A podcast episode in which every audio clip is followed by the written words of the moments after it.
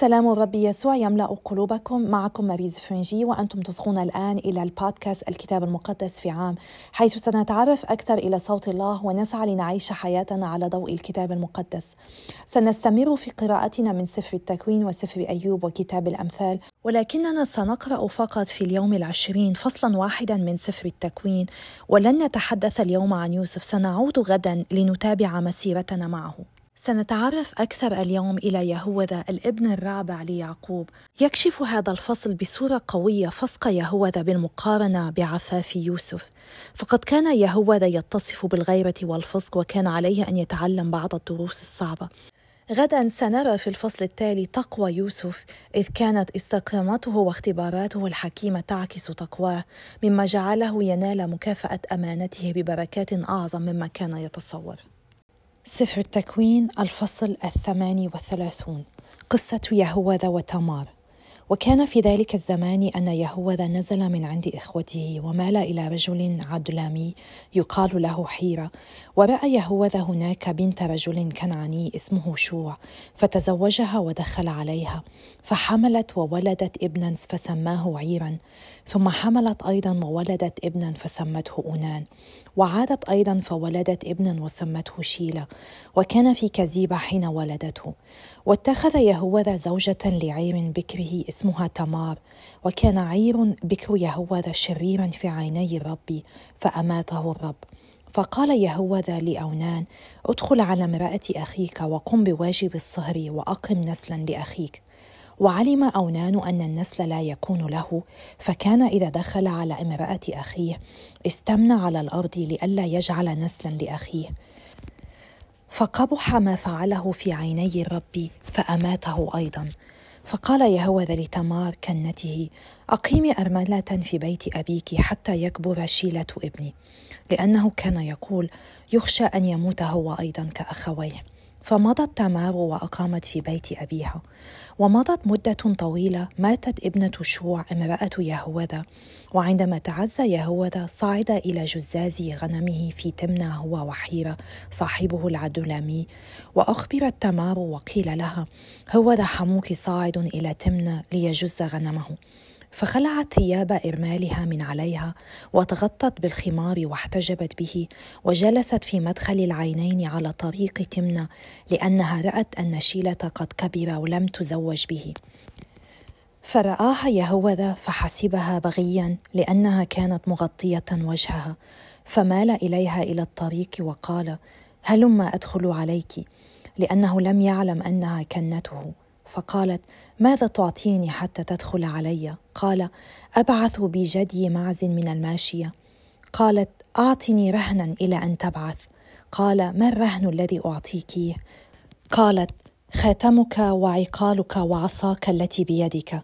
فأعطاها ودخل عليها فحبلت منه. ثم قامت فمضت ونزعت خمارها من عليها ولبست ثياب إرمالها. وبعث يهوذا بجدي معز مع صاحبه العدلامي ليسترد الرهن من يد المرأة فلم يجدها. فسأل أهل المكان عن مقامها قائلا أين البغي التي كانت عند العينين على الطريق قالوا ما كانت؟ ها هنا قط بغي. فرجع إلى يهوذا وقال لم أجدها. وأهل المكان أيضا قالوا ما كانت؟ ها هنا قط بغي. فقال يهوذا لتحتفظ بما عندها لئلا نصير سخرية فإني قد أرسلت الجدية وأنت لم تجدها. وبعد مضي نحو ثلاثة أشهر أخبر يهوذا وقيل له قد بغت تامار كنتك وهي حامل من البغاء. فقال يهوذا أخرجوها فتحرق فبينما هي مخرجة بعثت إلى حميها قائلة من الرجل الذي هذه الأشياء له أنا حامل. وقالت انظر لمن هذا الخاتم والعقال والعصا. فنظر إليها يهوذا وقال هي أبر مني لأني لم أزوجها لشيل ابني ولم يعد بعد ذلك يدخل عليها ولما حان وقت ولادتها إذا بتوأمين في بطنها ولما ولدت أخرج أحدهما يده فأخذت القابلة خيطا قرمزيا فعقدته عليها وقالت هذا خرج اولا. فلما رد يده خرج أخوه فقالت يا لك من ثغرة ثغرتها.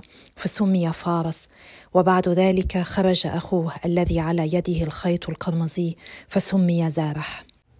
أيوب الفصل التاسع وعشرون. خاتمة الحوار.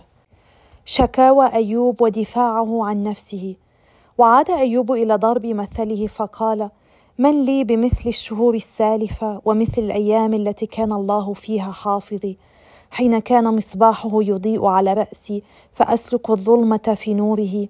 حين كنت في أيام خريفي وكان الله يجالسني في خيمتي والقدير لم يزل معي وصبيتي يحيطون بي وأغسل قدمي باللبن الحليب والصخر يفيد لي أنهارا من الزيت وأخرج إلى باب المدينة وأتخذ في الساحة مجلسي. يراني الشبان فيتوارون والشيوخ يقفون منتصبين. الأعيان يمسكون عن الكلام ويجعلون أيديهم على أفواههم. يتخافت صوت الرؤساء وتلصق ألسنتهم بأحناكهم. وإذا سمعتني أذن هنأتني وإذا رأتني عين شهدت لي لأني كنت أنجي المسكين المستغيث واليتيم الذي لا معين له فتحل علي بركة المائت وأجعل قلب الأرملة يتهلل. لبست البر فكان لباسي وكان حقي حلة وتاجا لي. كنت عينا للأعمى ورجلا للأعرج وكنت أبا للمساكين. أستقصي قضية من لم أعرفه وأحطم أنياب الظالم وأنزع فريسته من بين أسنانه. وكنت أقول إني سأموت في عشي وكالرمل أزداد اياما وجذوري منفتحة على المياه والندى يبيت على أغصاني. وقد تجدد مجدي لدي وازدادت قوسي قوة في يدي. يستمعون لي منتظرين وينصتون لمشورتي. وعلى كلامي لا يزيدون وأقوالي تقطر عليهم. ينتظرونني كما ينتظر الغيث ويفتحون أفواههم كأني متأخر المطر.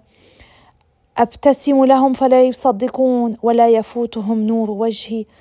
أختار طريقهم فأجلس في الصدر وأحل حلول الملك من الجيش والمعز من المحزونين.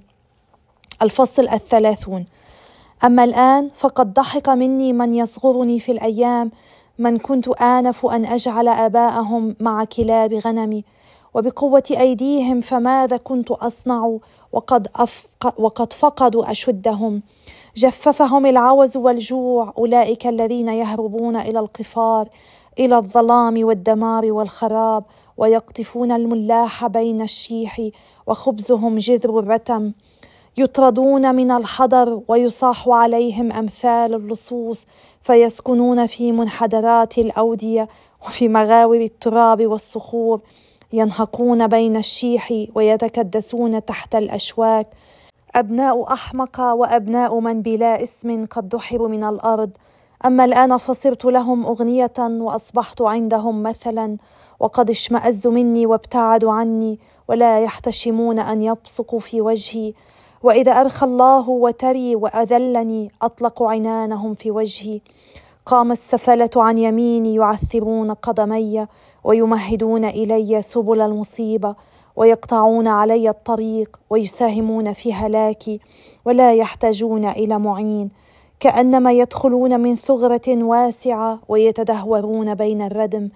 قد تهافتت علي الأهوال وطردت كرامتي كالريح وتلاشى خلاصي كالغيوم والآن تنهال نفسي علي وأيام بؤس أخذتني. في الليل ينخز هذا عظامي من فوقي والذين يقردونني لا ينامون. قبض الألم على لباسي بقوة وشدني كما يشدني قميصي. ألقاني في الوحل فأشبهت التراب والرماد. إليك أصرخ فما تجيبني؟ وتوقفت فحدقت في. أصبحت لي عدوا قاسيا وبقوة يدك حملت علي. خطفتني وعلى الريح أركبتني وأذابتني العاصفة فعلمت أنك إلى الموت تعيدني إلى دار معاد كل حي.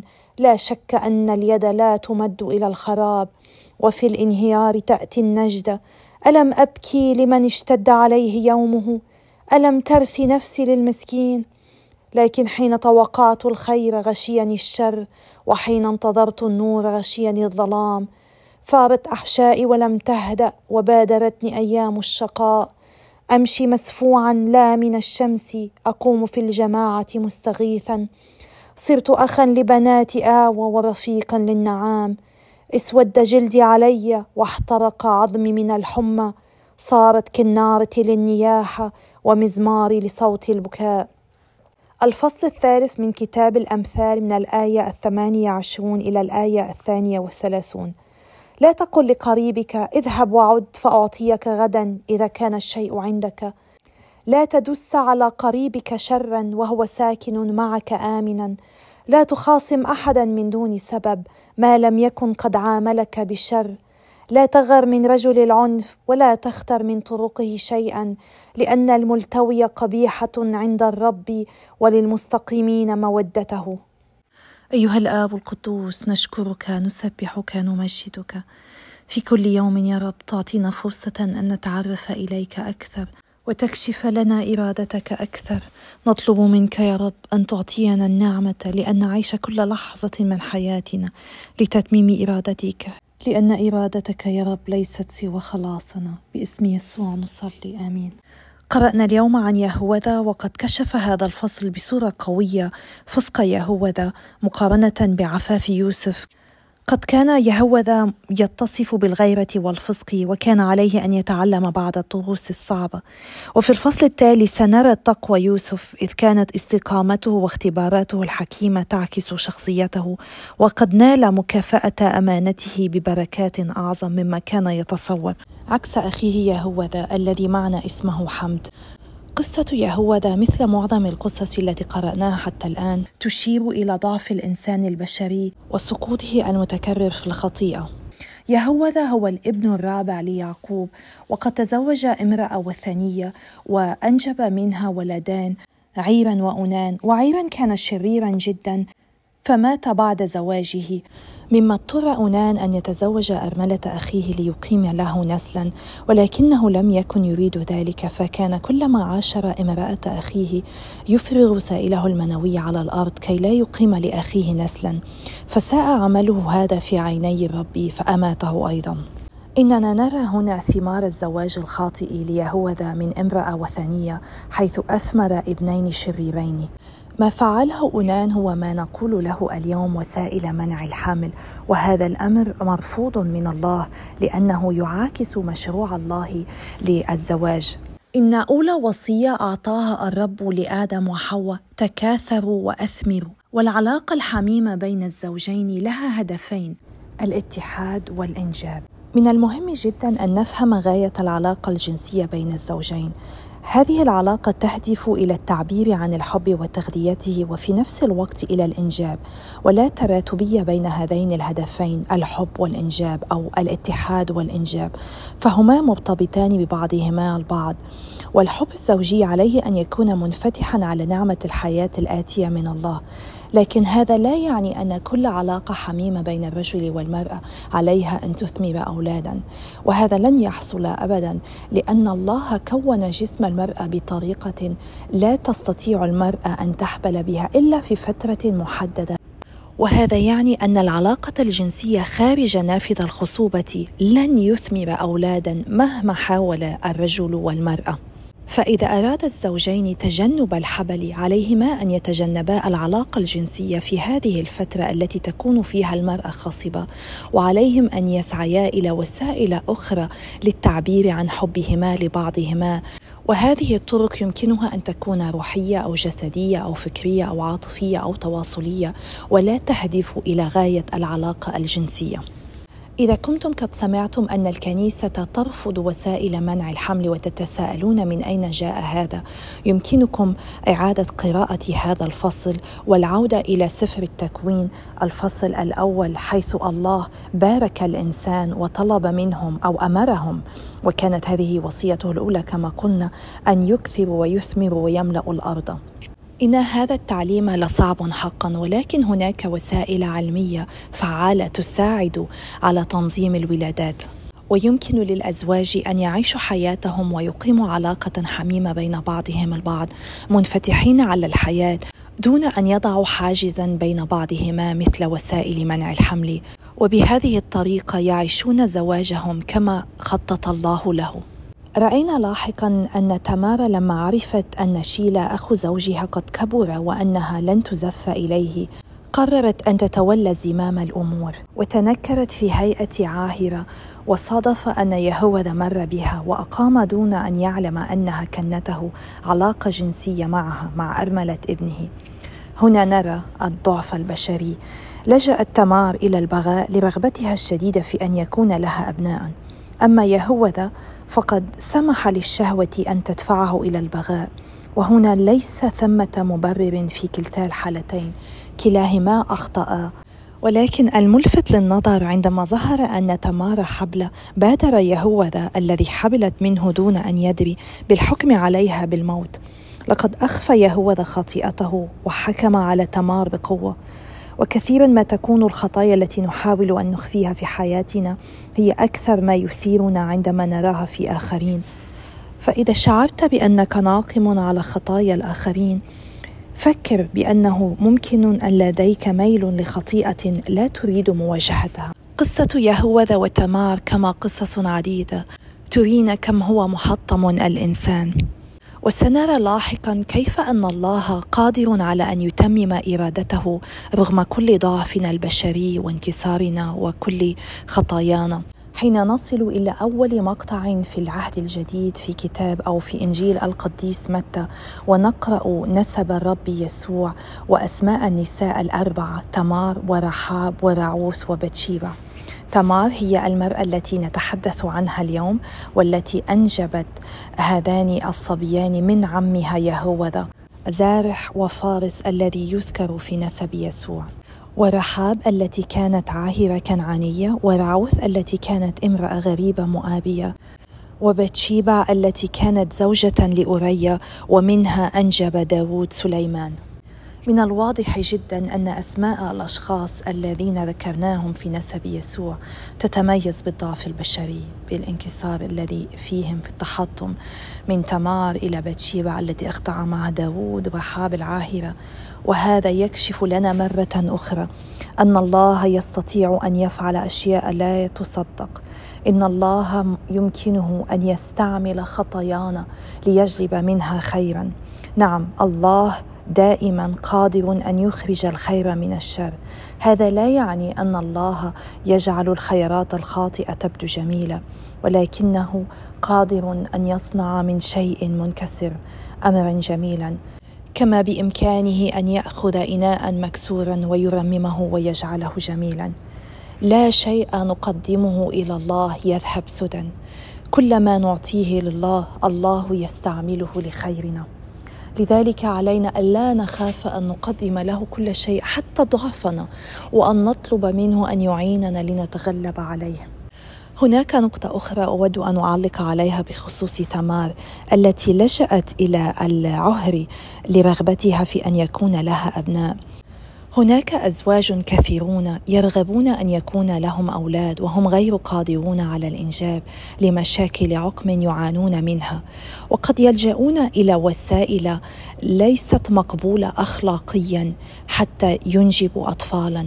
يلجؤون إلى وسائل تدمر الحياة باسم خلق الحياة. وغالبا ما تترك هذه الوسائل سواء فشلت أو نجحت جرحا كبيرا في قلب هؤلاء الزوجين. لذلك علينا أن نعي أنه لا يجب أن ننجر دائما وراء رغباتنا ونسعى لتحقيقها مهما حصل. علينا أن نميز إرادة الله لنا وأن نسأله ما هي الطريق الأفضل التي يريدنا أن نسير عليها.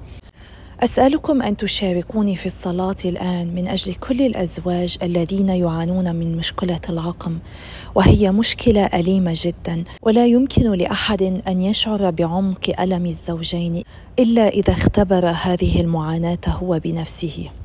أطلب من الله أن يعطيهم النعمة ليعرفوا الطريق الصحيح ليسيروا فيها. ليجدوا أطباء يساعدونهم بطريقة مقبولة أخلاقية ليحلوا المشكلة ويتركوا المجال لله أن يجلب الحياة من خلالهما من خلال العلاقة الحميمة السليمة كما أرادها الله للزوجين. إذا أردتم الحصول على معلومات أكثر عن كيف يمكن مساعدة الأزواج الذين يعانون من العقم أو كيف يمكن للأزواج أن يتجنبوا الحبل وينظموا الولادات دون أن يستعملوا وسائل منع الحمل دون أن يناقضوا مشروع الله لزواجهم؟ تجدون معلومات عن وسائل علمية فعالة ومقبوله اخلاقيا هناك؟ ويمكنكم التواصل معي لمعلومات أكثر لأني أعلم احدى هذه الوسائل ويمكن استعمالها لتنظيم الولادات سواء كان الزوجين يريدان أن يحبلا أو يريدان أن يتجنبا الحبل وقتيا أو نهائيا أو يمكن استعمال هذه الوسيلة العلمية للاعتناء بصحة المرأة النسائية. من السهل جدا علينا أن نقول إن الله أو حتى الكنيسة لديهما الكثير من القوانين التي تمنعنا من فعل هذا وفعل ذلك. ولكن الحقيقة هي أن الله لديه مشروع لنا هو أعظم بكثير من ما نتصور.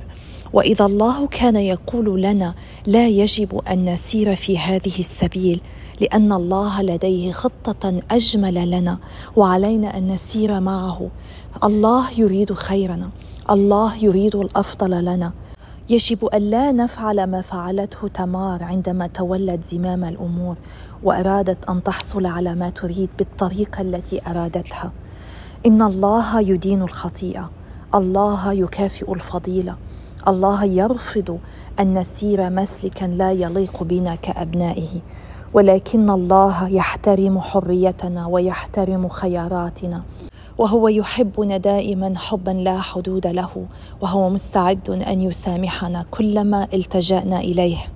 إذا كنت تصغي إلى هذه التسجيلات وتشعر بأن ضميرك يؤنبك سواء كان لاستعمالك وسائل منع الحمل أو لعدم إصغائك لوصايا الله وعدم طاعتك لوصايا الله والكنيسة.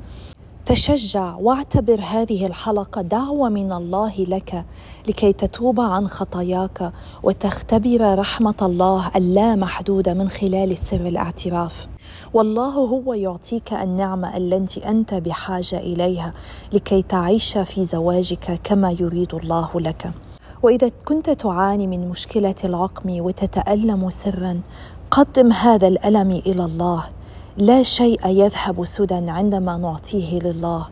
والله سيستعمل هذا الألم ليتمم مشروعه الخلاصي فيك سواء أراد أن تنجب اطفالا أو أن يجلب ثمارا من زواجك بطريقة مختلفة.